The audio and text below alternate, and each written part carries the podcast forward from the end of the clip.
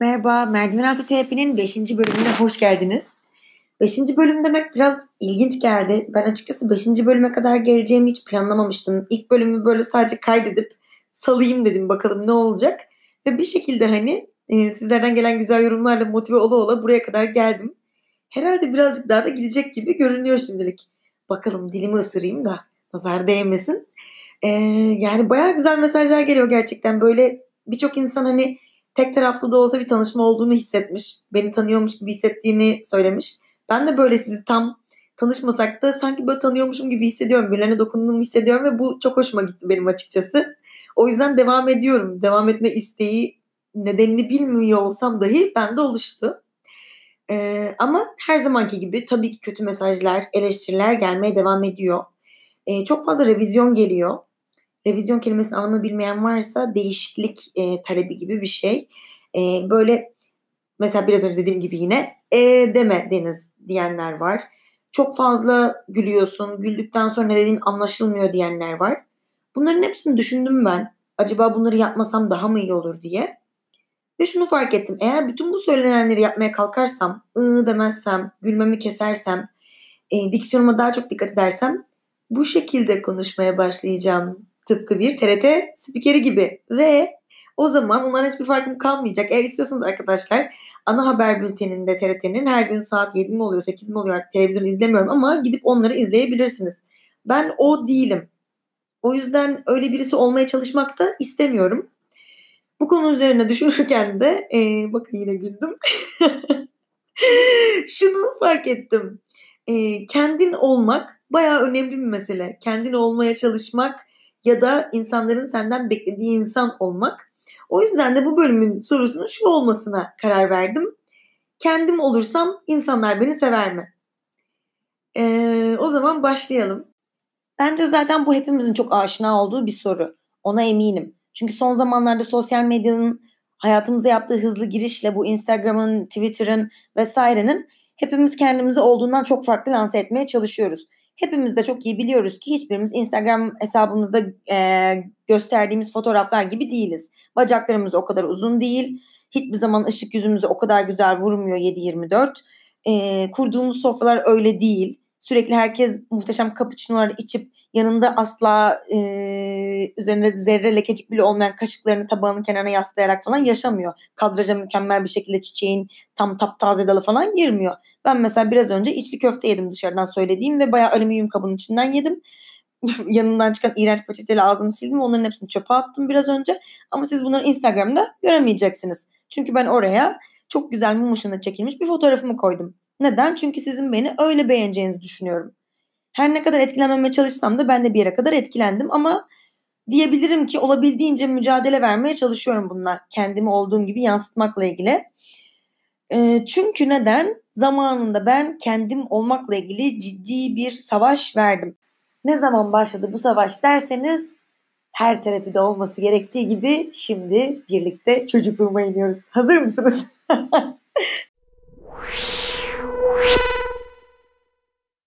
Ben Karabük'te doğdum. Muhtemelen hiç harita üzerine yerini bile bilmediğiniz Karadeniz'de, Karadeniz'in batısında bir şehir. Gayet küçük, gayet fakir diyebileceğim, sineması bile olmayan bir şehirdi Karabük ben çocukken yaşarken. Ve ben burada Demir Çelik Devlet İlkokulu diye bir okulda okudum. Türkiye ortalamasını gayet iyi yansıtan bir okul burası. Hiçbir özelliği olmayan, zengin ailelerin çocuklarının olmadığı, bildiğimiz mavi önlük ve beyaz yaka takan çocukların e, çamurlu bir bahçede koşuşturduğu bir okuldu. Sonra ben bu okulu bitirdikten sonra Karabük'teki devlet yine e, okulu olan Anadolu Lisesi'ne gidecektim. Bununla ilgili kıyafetlerim alındı, kitaplarım hazırlandı falan. Okulların açılmasına son bir hafta kala biz e, sabahleyin böyle kahvaltıdayken bir pazar günü babam kahvaltının ortasında dedi ki ben size bir şey söyleyeceğim. Ne oldu baba? Ben dedi rapor aldım hastaneden. Ne raporu baba? Deniz'in işte e, bağırsak problemi olduğuna dair. Neden baba? Çünkü dedi Deniz özel okullar sınavında Robert'i kazanmıştı ve biz onu oraya yollamadık. Karabük Anadolu'sunu yazdırdık ama ben düşündüm ettim. Ben de çocukken Robert'i kazanmıştım ve benim ailemin e, parası olmasına rağmen babam beni orada okutmak istemediği için oraya gidemedim. Bu arada şöyle de bir şey var burada. Babam aslında Robert'i kazanmış ve gitmek istemiş. Dedem demiş ki ben onu oraya yollamam. Babam da o zaman burs başvurusunda bulunmuş. Burs başvurusunda bulununca da demişler ki e babanızın parası var. Yani babam e, fakir olsa okuyabilecek, zengin olsa okuyabilecek ama dünyanın en kötü kombinasyonu olan varlık içinde cimri bir babaya sahip olduğu için Robert de okuyamamış. Ve o yüzden babam dedi ki ben okuyamadım Deniz okuyacak. Bunun üzerine biz apar topar masadan kalktık, pazar kahvaltımızı yarım bıraktık, arabaya bindik, İstanbul'a gittik, Robert'in kapısına dayandık. Dedik ki biz buraya kaydolacağız. Bize dediler ki yani ben bu arada Asil'den kazanmıştım aslında Robert ama Asiller çoktan kaydolmuş bitmiş. Ondan sonra kalan boşluklara yedekler kaydolmuş onlar da bitmiş. Yani kayıtların en sonuna kadar gelinmiş listede. Yani sizin mümkünatı yok dediler artık bu okula girmenizin. Tek bir ihtimal var bir mucize olacak. Bu kaydolardan bir tanesi vazgeçecek çıkacak da sizin kızınız girecek. Biz okulun kapısına nöbet beklemeye başladık o yüzden.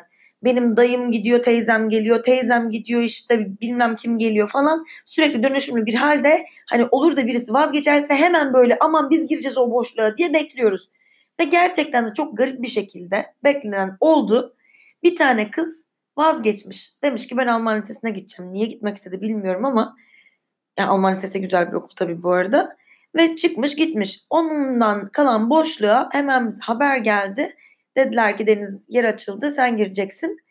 Ve ben bir gece hiç unutmuyorum Lady Diana'nın öldüğü gece annemle birlikte otobüse bindim. Annem de bu arada benim gidişime mi ağlıyor, Lady Diana'nın ölmesine mi ağlıyor bilmiyorum ama Lady Diana öldü diye hüngür şakır ağlıyor.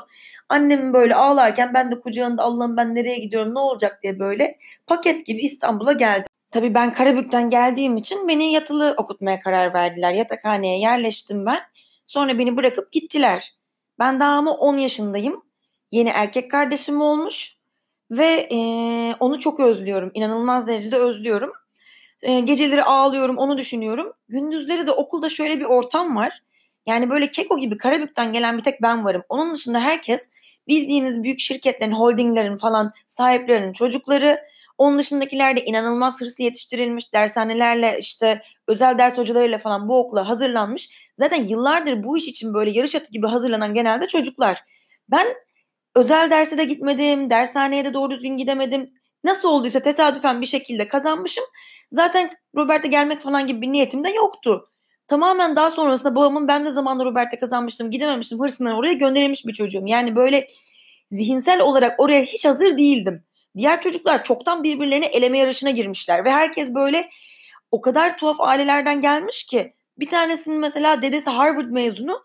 Yani şimdi benim dedem ilkokulu birincilikle bitirmiş bakkalı olan bir adam ve bana sürekli şeyi anlatırdı bastonuyla dürte dürte. İşte ben de ilkokulu birincilikle bitirdim. Muhtar geldi. Köy düğününde karşılaştık. Beni tebrik etti. Vay dedi her çocuk böyle birinci olmaz falan. Bana bunları anlatıyor. Ben böyle Dedem de amma başarılı adammış falan diyorum. Bunlar geliyorlar dedem Harvard mezunu, dedem Stanford mezunu falan. Hani senin deden üniversiteye gitti onda Harvard'da mı gitti falan diye düşünüyorum ben böyle. Rekabet sadece dedeler üzerinden falan değil tabii ki. Herkes birbirinin giyinişini, işte saçını, başını, İngilizce konuşmasını, aksanını, işte cinsel gelişimini falan her alanda inanılmaz derecede yargılıyor. Ve ben yani o kadar farklı bir yerden gelmişim ki olayın ne olduğunu, oyunun ne üzerine olduğunu falan bile daha böyle çözemiyorum. O yüzden ben sürekli bu yabancılık hissinden dolayı ağlamaya başladım. Her gün ağladığım için de yani baktılar beni tutamıyorlar. Bana rapor yazmaya başladılar sürekli. Revire gidiyorum rapor yazılıyor. Ben revirde yatıp işte revirde yatmıyorum daha doğrusu öğrenci işlerine gidiyorum. Orada bir e, danışman, öğretmen gibi bir şey var. Onun karşısında oturup saatlerce ağlıyorum ve diyorum ki ben bu okuldan kaçacağım. Gideceğim yani. Gerekirse diyorum yatakhanede çarşafları ucuca bağlarım. Bahçeden koşa koşa giderim ama ben Karabük'e döneceğim. Burada durmak istemiyorum. Ve ben o kadar büyük bir stres yaşamaya başlamışım ki yatakhanede bir sabaha karşı uyandım. Baktım normalde uyandığımda hava güneşli oluyor, aydınlık oluyor. Kapkaranlık. Farklı bir his içindeyim böyle. Popom ıslak bir baktım ki ben bayağı bildiğiniz altıma işemişim. Bütün yatak göl içinde. Ve hiç bilmediğim, hiç tanımadığım insanların arasındayım. Çocuklar var aynı benle odada. Dört kişiyiz. Ve yani hepsi de o yaşın verdiği acımasızlıkla ve rekabet duygusuyla yani benim e, altıma işediğini bilseler benle biliyorum deli gibi dalga geçerler. Denizde yazık işte böyle kendine hakim olamıyor. Bizim gibi olgun olamadığı için falan derler. Yani ben inanılmaz derecede büyük bir korku hissettim. Ondan sonra ranza da gıcır diyor ahşap bir ranza. Hiç böyle e, sesimi çıkarmamaya çalışarak inanılmaz yavaş hareketlerle yavaş yavaş o çarşafı topladım. Ondan sonra onu koltuğumun altına sıkıştırdım. iğrenç ıslak ıslak ve merdivenden gıcırdatmamaya çalışarak bir adım iniyorum. Kimse uyandı mı diye bakıyorum, bekliyorum. Bir adım daha iniyorum. Kimse uyandı mı diye bakıyorum, bekliyorum. Bu şekilde sanırım böyle bir saat, bir buçuk saat falan sürecek şekilde ben o çarşafı toplayıp sonunda gidip odamdaki dolabın içine tıktım. Ve sonra bu olay tekrarlamaya başladı. Ben haftanın her günü bayağı altıma işiyorum. Ve ondan sonra gidip onları dolabıma tıkıyorum. Ve dolabıma tıktıktan sonra da ben pazartesi günüden başlıyor yatılılık süreci. Hatta pazar akşamından cumaya kadar biz yatakhanedeyiz. Gitgide gitgide onlar kokuyor. Ben o yüzden hemen böyle bir şey alacaksam dolabımdan dolabı açıyorum. Şak diye geri kapatıyorum çocuklar kokusunu almasın diye. Çünkü yatakhanede öyle bir yıkama imkanı falan yok. Onu çaresiz ben biriktiriyorum. Hafta sonları da ben teyzemin evine gidiyorum. Onda kalıyorum. Tabii ki teyzeme de böyle bir şey söylemekten çok utanıyorum. O yüzden hafta sonu saat 4 falan gibi cuma günü eve gittiğimde daha teyzem akşam işten gelecek. O gelmeden koşa koşa hani hemen banyoya giriyorum. Çamaşır makinesinin nasıl çalışacağını çözdüm ben tabii o sırada keşfettim.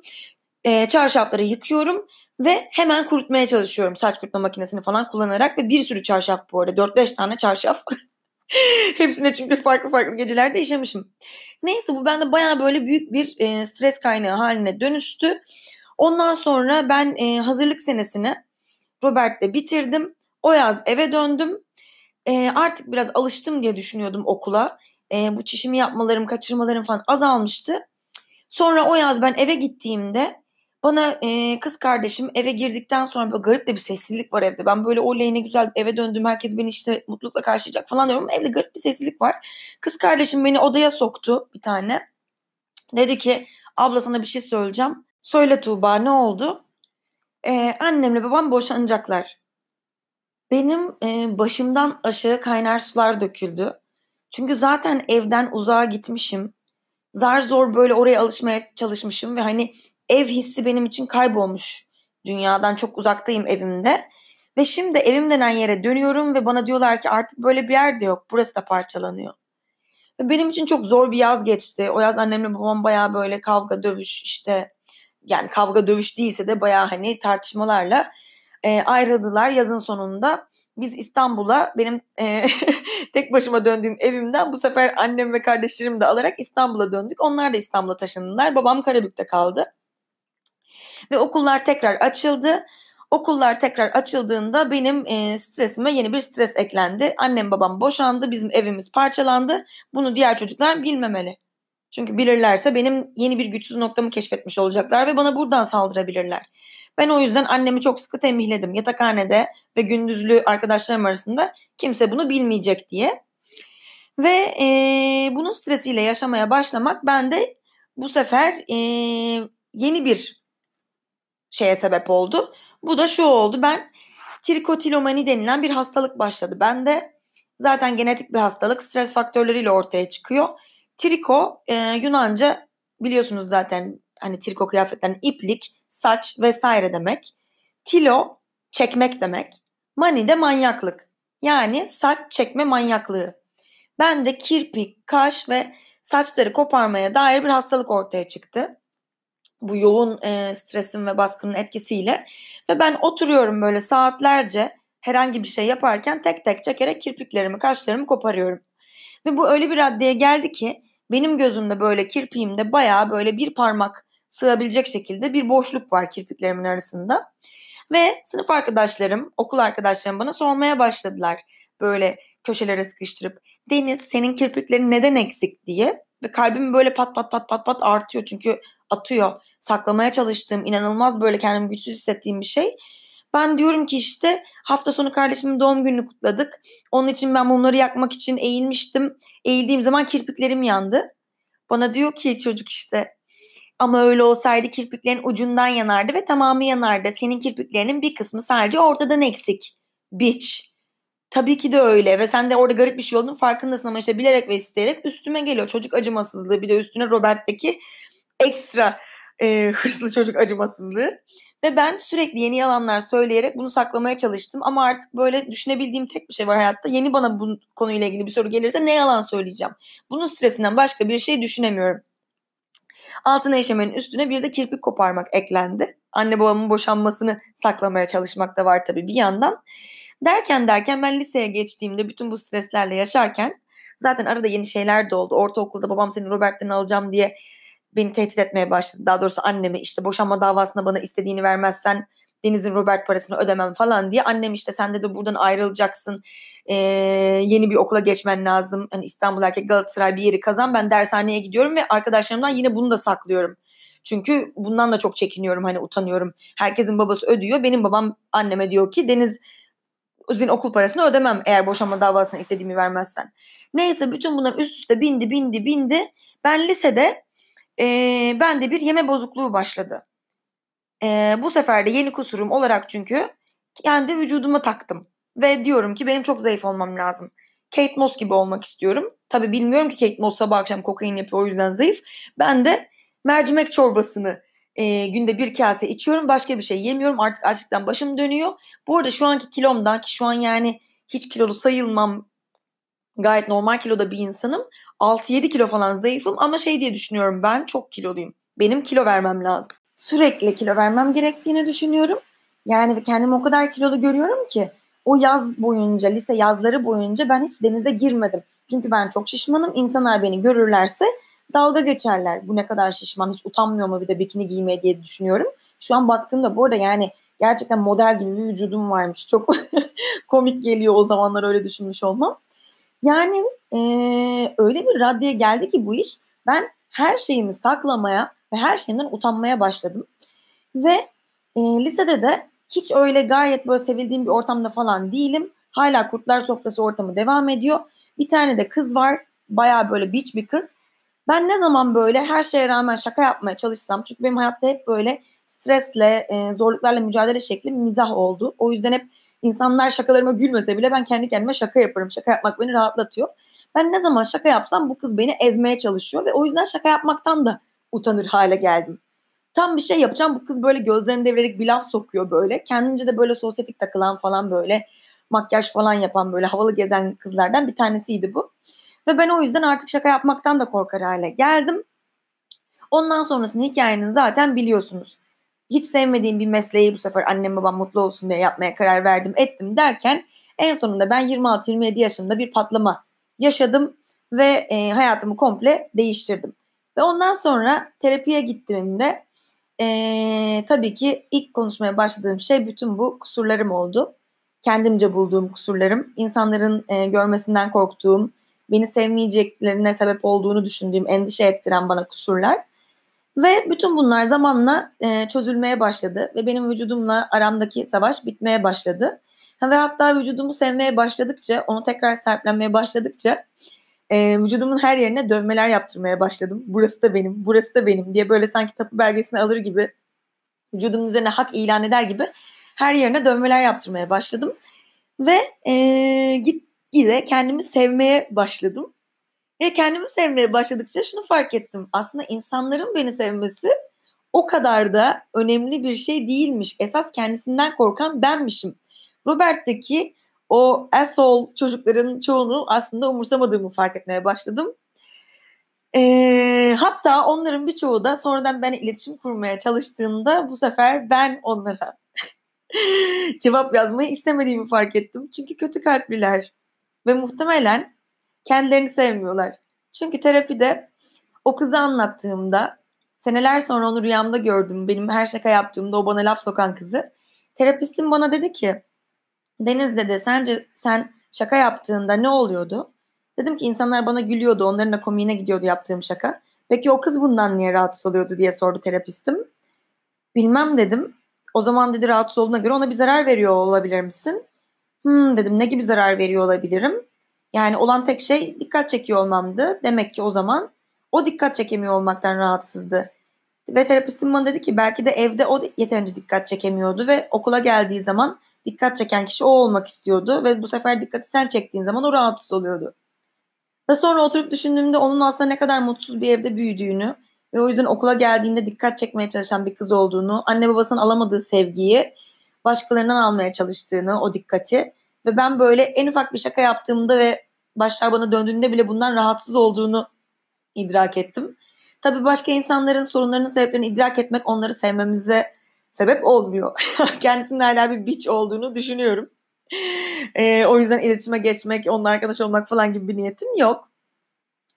Yani e, diyeceğim şu ki e, aslında siz kendiniz kendi bedeninizin içinde rahat olduğunuzda diğer insanların sizi onaylamasına, sizi sevmesine hiç gerek kalmıyor. Siz eğer zamanla kendi sesinizi bulursanız, kendi içinizden gelen isteklerin ne olduğunu keşfederseniz ve ona göre yaşamaya başlarsanız sizin bacağınız yamukmuş, işte saçınız kırıkmış. Yani bunların hiçbiri hiçbir şey bence ifade etmiyor. Kendinize şefkatle yaklaştığınız zaman zaten her yeriniz size güzel ve sevilmeyi hak eder geliyor. O yüzden şimdi ben bazen hatta çok böyle kendi kendime aferin demek istediğim zamanlarda dizimi çekip öpüyorum ya da bazen omzumu falan öpüyorum. Millet sapık mısın diyor. Sapık falan değilim. Sadece komiğime gidiyor. O yüzden hatta Twitter'da da cover fotom dev harflerle aranızda bilen vardır belki canım kendim yazıyor. Kendini çünkü sonradan sevmeyi keşfeden insanlar kendisinin değerini çok iyi biliyor ve hiç unutmak istemiyor. O yüzden toparlayacak olursak benim e, bu bölüm galiba söylemek istediğim şey şu. E, insanlar kendi olmaya çalışmadığında sizi sever mi sevmez mi? E, soru bu değil aslında. Siz kendiniz olmaya olamadığınız zaman siz kendinizi sevemeyeceksiniz ve vücudunuzun içi sizin için bir hapishaneye dönecek. Ruhunuz vücudunuzun içine sıkışmış gibi gelecek ve içine sıkıştığınız bir yere hapishane denir ve kimse hapishaneyi sevmez. Hapishanesini seven insan olmaz.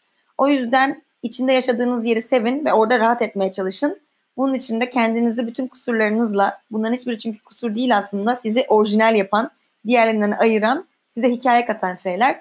O yüzden bunlarla tek tek barışmaya bakın ve kendinizi omzunuzdan öpüp canım kendim deyin. Unutmayın ki saklamaya çalıştığınız şeyler olursa e, bütün dikkatiniz hep o saklamaya çalıştığınız şeye gider. Nasıl ki bir eve delikli çorapla girerseniz ve bundan utanırsanız misafirlik boyunca yapmaya çalıştığınız tek şey parmaklarınızı kıvırıp o deliği saklamaya çalışmak olur. Ama eğer daha eve girerken hua ben de bugün delikli çorap giymişim diye bunu açıkça söylerseniz o zaman misafirlik boyunca herkes zaten bunu biliyor olduğu için rahat edersiniz ve delikli çorabın aslında utanılacak bir şey değil. Herkesin başına gelebilecek bir şey olduğunda diğer insanları da fark ettirmiş olursunuz. O yüzden deliklerinizden çoraptaki bence utanmamayı bir şekilde öğrenmeye bakın ve böylece kimseye sizi yargılama hakkı vermeyin. Siz kendinizi severseniz diğer insanlar sizi sevmiyorlarsa da onlara yol verirsiniz. Sizi sevenlerle yolunuza devam edersiniz. deyip atarlı kamyon arkası laflarını dizdikten sonra artık veda etme zamanı geldi. O yüzden 5. bölümü de böyle kapatmış olalım. 6. bölümde yepyeni bir soruyla görüşmek üzere. Mutlu kalın.